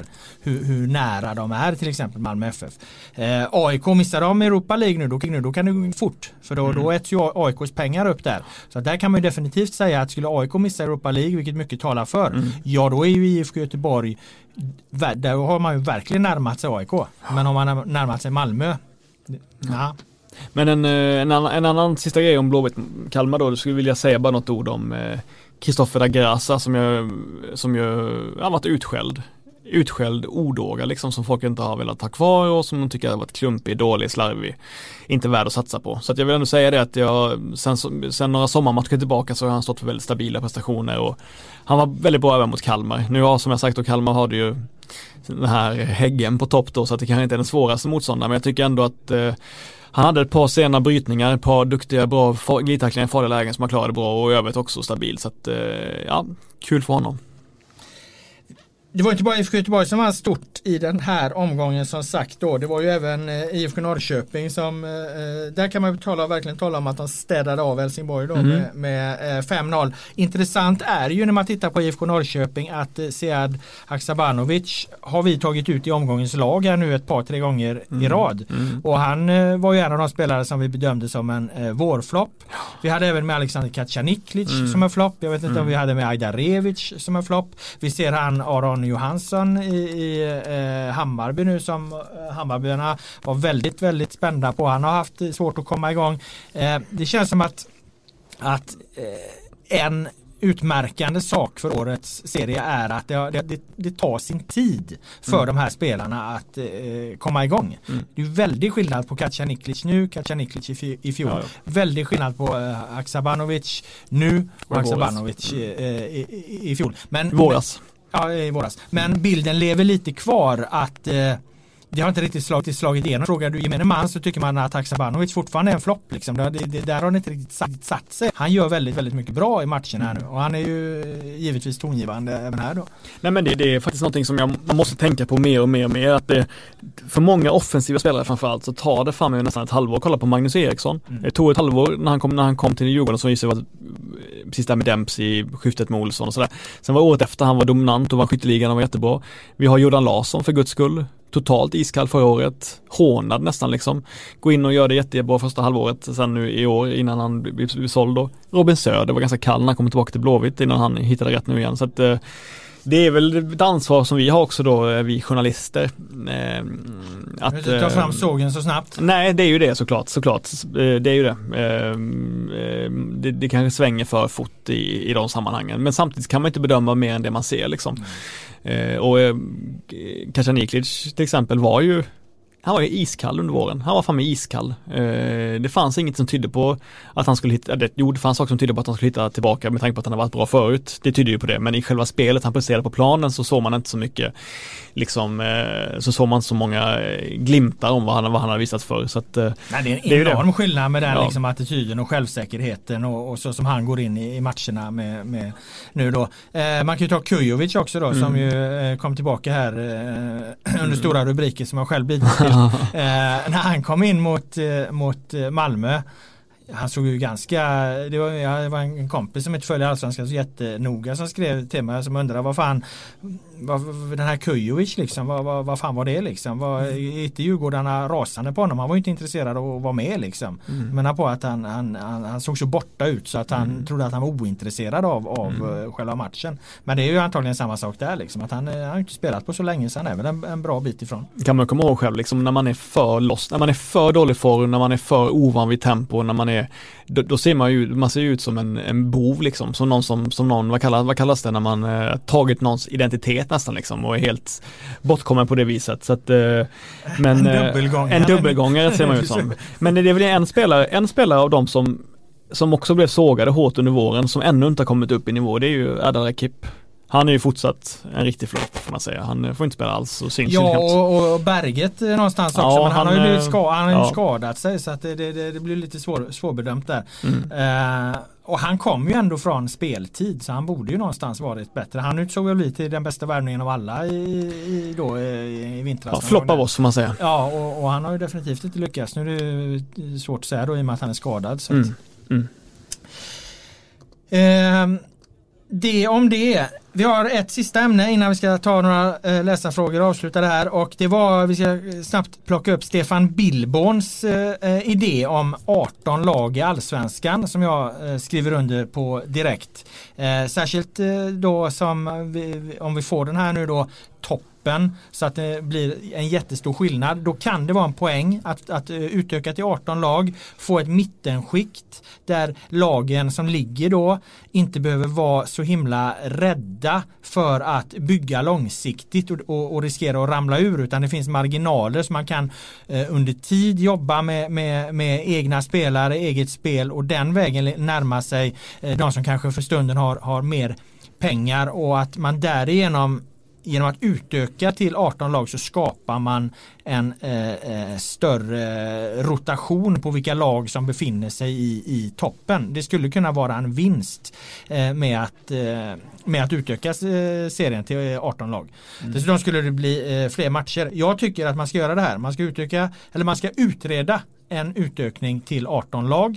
I den utredningen ska även ingå att ta bort eh, plastgräset så vi får bort den här eviga diskussionen. Det är sån enorm skillnad på, på många håll på på plastgräs och eh, gräs. Eh, hybridgräset får man köra i, i norr där det är svårare. Men det är klart att det, det funkar att, att få ha hybridgräs där. Eh, och den tredje punkten på det här trepunktsprogrammet som jag tänker mig att man utreder fram till 20, 2024. Då fyller nämligen allsvenskan 100 år det är hur vi kan i Sverige klara att stå emot VAR så man slipper eh, föra in det. Det, det borde, när man hör folk eh, i ma makten här, eh, fotbollsmakten tala om, om VAR så låter det som att det är mer eller mindre klart. Liksom. Det finns ingen återvändo. Ska domarna, eh, svenska domare kunna komma ut i Europa måste vi ha VAR i, i, i serien. Jag, jag, tycker att man på något sätt, jag har inte svaret på hur, men att man hittar en väg där, där allsvenskan faktiskt inte behöver ha VAR. Så att från och med eh, 2024 när allsvenskan firar 100 år så utökar, utökar man serien till 18 lag. Man har inget jävla konstgräs längre och det blir heller inget VAR. Då kan vi tala om en nya allsvenskan eh, från år 101 och framåt. Det här är ju en kandidatur från din, från din sida. Har du liksom bett om hjälp från någon PR-byrå? För det var väldigt snyggt uppstaplat och du hade liksom hela, hela paketet redo redan ju. Eller hur? Du hade till och med jubileet eh, och allting liksom. Det känns ändå som att du kandiderar till någon typ av, vad tänker oss förbundsordförandepost eller SEF eller liknande. Är det någonting du kan tänka dig? Uh, nej nu, det är nog ett av de sista, uh, sista uppdragen jag överhuvudtaget skulle hoppa på. Väldigt många olika anledningar som jag inte hinner rada upp här. Men jag är glad att du gillade att skriva ja, under direkt ja, på mitt uh, trepunktsprogram. Ja, jag, jag, tycker, jag håller med om nästan allting av det. Jag tycker till exempel det med konstgräset så tycker jag fortsatt att eh, gränsen ska gå en magisk gräns norr om eh, Uppsala. Där man får ha konstgräs då. Eh, sen så har jag väl tankar på det. Ja, det får min, för min del skulle det för gärna få vara 18 lag och, och fler matcher. Men då, får, då vill jag inte höra något gnäll sen i oktober eller i september när det är 212 personer på Norrby mot Dalkurd liksom. Då får man köpa det att, det att det kommer vara den typen av döda matcher också. Det kommer vara en del en del lag som folk inte tycker har, har där att göra rent eh, historiskt eller att man inte har no, någon slags eh, tradition och sådär. Det kommer vara en del sådana lag då. Förstår du vad jag menar? Mm. Det får liksom inte vara något gnäll på det då utan då får man ju köpa med att det finns eh, ett gäng klubbar som kanske egentligen inte är allsvenska i, i, i, i på alla sätt. Bra, då är vi överens om det också. Nu mm. vet jag inte om du sa något om VAR men... Eh... VAR, eh, alltså så här, jag börjar tänka, jag tänkt mer och mer på det. Det ett jävligt tunt argument det här. Vi måste ha VAR, annars får inte svenska domare vara med i Europa. Alltså för alla andra är det ju bara, men skit i det då liksom. Alltså, alltså för domarna fattar jag att det är mm. ett livsavgörande liksom eh, argument så, men för alla andra är det ju bara, ja, ja men då får ni vara i Sverige liksom. Det är bra. Då skriver du under på alla tre punkter då alltså. Då får vi se yes. ta dem vidare. Eh, vi ska avsluta med några läsarfrågor och vi har fått in en här. Är den nya trenden att det räcker med en handfull bra insatser i allsvenskan för att landslagsdiskussionen ska dras igång? Och vad säger det mest om nivån på allsvenskan eller landslaget? Eh, Fråga Mats Olsson då eh, ifall det är en ny trend verkligen. Eh, när Mats Olsson vill ha in Rajalaxo efter fem eh, Djurgårdsmatcher. Precis, så det är, väl en, det är väl en av de äldsta trenderna. Det är väl, det är väl liksom tradition att den den typen av populism liksom eh, grasserar i, i, runt omkring allsvenskan. Ja, och jag känner väl inte riktigt att den är extrem heller. Jag menar Danielsson då som ju är, kommer med i landslaget här nu mm. eh, är ju värd det alla gånger. Ja, ja, definitivt. Eh, Marcus Danielsson, Djurgården, han är definitivt värd det. Sen kan man väl, väl ifrågasätta då Alexander Axéns utspel om, om Tankovic där. Men mm. eh, som sagt, experter ska väcka debatt och, och skapa diskussioner. Men eh, ja. Vet du vad som gör mig lycklig? Nej. Det är att det för en gång skulle är en försvarare som är liksom den alla pratar om. Att det är en försvarare som till mans anses just nu då sett hur långt säsongen har kommit vara kanske seriens bästa spelare. Det är, det är ovanligt att sånt händer. Fatta hur bra man måste vara för en, som back för att det ska hända liksom. Det är det är, det är ovanligt. Mm. Men det är ju också ofta försvarsspelet som, jag menar AIK vann ju allsvenskan förra Mm. året eh, och vad var deras grej? Jo det var försvarsspelet. Mm. Djurgården leder ju allsvenskan just nu. Mm. Eh, I den långa diskussionen vi, vi hade om, om, om Djurgården där eh, så berörde vi inte ens försvarsspelet men det är ju faktiskt deras grej också. Alltså det, det, det är ju jätte, ett jättestabilt försvarsspel som Mm. någonstans eh, ligger till grunden för det här. Plus ett, då ett varierat anfallsspel. De har ju alls inte det här, visst de har ett ganska högt bollinnehav för att de har dominerat väldigt mycket mot, mot de här sämre lagen nu. Men, men alltså grejen med Djurgårdens anfallsspel är ju snarare att de har ett varierat anfallsspel där de växlar, de är bra på fasta situationer, de kommer till mycket inlägg, de kan äga bollen, de kan byta kant, de kan ställa om och så vidare. Det är ett varierat anfallsspel men framförallt väldigt välorganiserat försvarsspel. Har de en tidig press då? Jag har dem ibland. Faktiskt. De ställde, ju sig, eh, de ställde ju sig runt straffområdet eh, och tvingade Johan Dahlin att kicka Mm. ut bollen där ett par gånger. Mm. Eh, Jag skulle säga att de har, har ett, ett, en, en varierad press. Ja, bra. Fällan fick du mig inte i. En fråga till Laul och en fråga till Boman här då. Mm. Laul, varför säger du att podden görs i samarbete med Robert Laul och XX? Och sen en fråga till Boman. Tycker du Laul avbryter dig för ofta? Jag då kan jag svara på eh, varför jag säger att podden görs i samarbete. Eh, är ju för att det här är ju inte vår podd utan det är den allsvenska podden. Så att eh, förra året skötte ju Fredrik Jönsson den här podden och tidigare har andra gjort det och något annat år kanske blir någon annan. Så att eh, därför så, så är det just nu är det i samarbete med med mig och eh, Per Boman då. Och, eh, En annan grej på det så är det väl också vackert att, inte, att du inte säger att den görs i samarbete med eh, Ninja City, Casino, Norrländska Älgen, spelbolagssajten liksom, eller hur? Ja, nej men det är väl Det är väl en- det är väl en någon, någon, någon som gör innan. Ja, jag men så länge, in inte, så, länge, så länge inte du gör det. Nej precis. Och om jag, om, om jag avbryter Boman för mycket, nej det gör jag inte. Jag det avbryter det och säger du det. väljer det. Jag, jag, jag vill säga så här att eh, jag har så väldigt få gånger någonting att säga så jag är glad varje gång eh, Laul säger någonting. Ja. Det nu ska du inte vara eh, oklädsamt ödmjuk här för det klär dig inte. Eh, sista frågan. Ni sa i förra avsnittet att årets guldstrid är den hetaste sedan 2001. Jag funderar på om inte bottenstriden i år också är ovanligt het. Sju lag med hö högst eh, reell risk att åka ur med nio omgångar kvar. Särskilt allvarligt med tanke på hur många nya miljoner som kommer 2020. Jo men det är väl det som har ringat in hela den här allsvenskan egentligen. Mm. Att eh, eh, insatserna är så oerhört eh, stora. Och det var ju det som var diskussionen mycket innan allsvenskan började. När man talade om att IFK Göteborg, Örebro, kanske Elfsborg och så vidare kunde vara där nere och snurra. Nu har det inte blivit så alls. Men, Int- Intressant är ju, lagen har inte blivit bättre, eller hur? Det är intressant. De har lagt, de har, de har lite i panik nu lagt ganska, ganska mycket pengar på att stärka trupperna på ett kortsiktigt sätt. Men bottenlagen har inte blivit bättre. Så är det. Med de kloka orden eh, tackar jag dig Per Boman för att du kom hit med dina synpunkter och åsikter. Jag tackar alla er som har lyssnat. Den allsvenska podden är tillbaka nästa vecka.